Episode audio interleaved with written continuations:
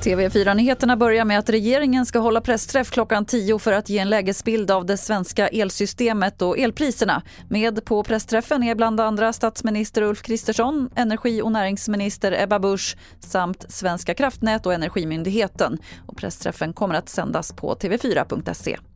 26 personer har blivit smittade med salmonella, det skriver Folkhälsomyndigheten på sin hemsida. De första fallen upptäcktes i början av november och personerna tros ha blivit smittade via samma källa.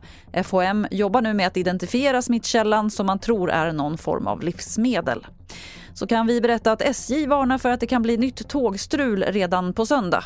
Det handlar om en stor uppdatering av Trafikverkets IT-system som ska automatiseras och synkas med Europas. Kritiken har varit skarp från flera håll. Systemet riskerar att begränsa kapaciteten och tågbolagen har fått för lite tid på sig att förbereda sig för eventuella störningar anser man. Åtta år har man haft på sig att förbereda inför den planerade förändringen men ändå kan Trafikverket inte garantera att det inte blir kaos. Reporter här var Annie Säv. Och fler nyheter det finns på tv4.se. Jag heter Lotta Wall.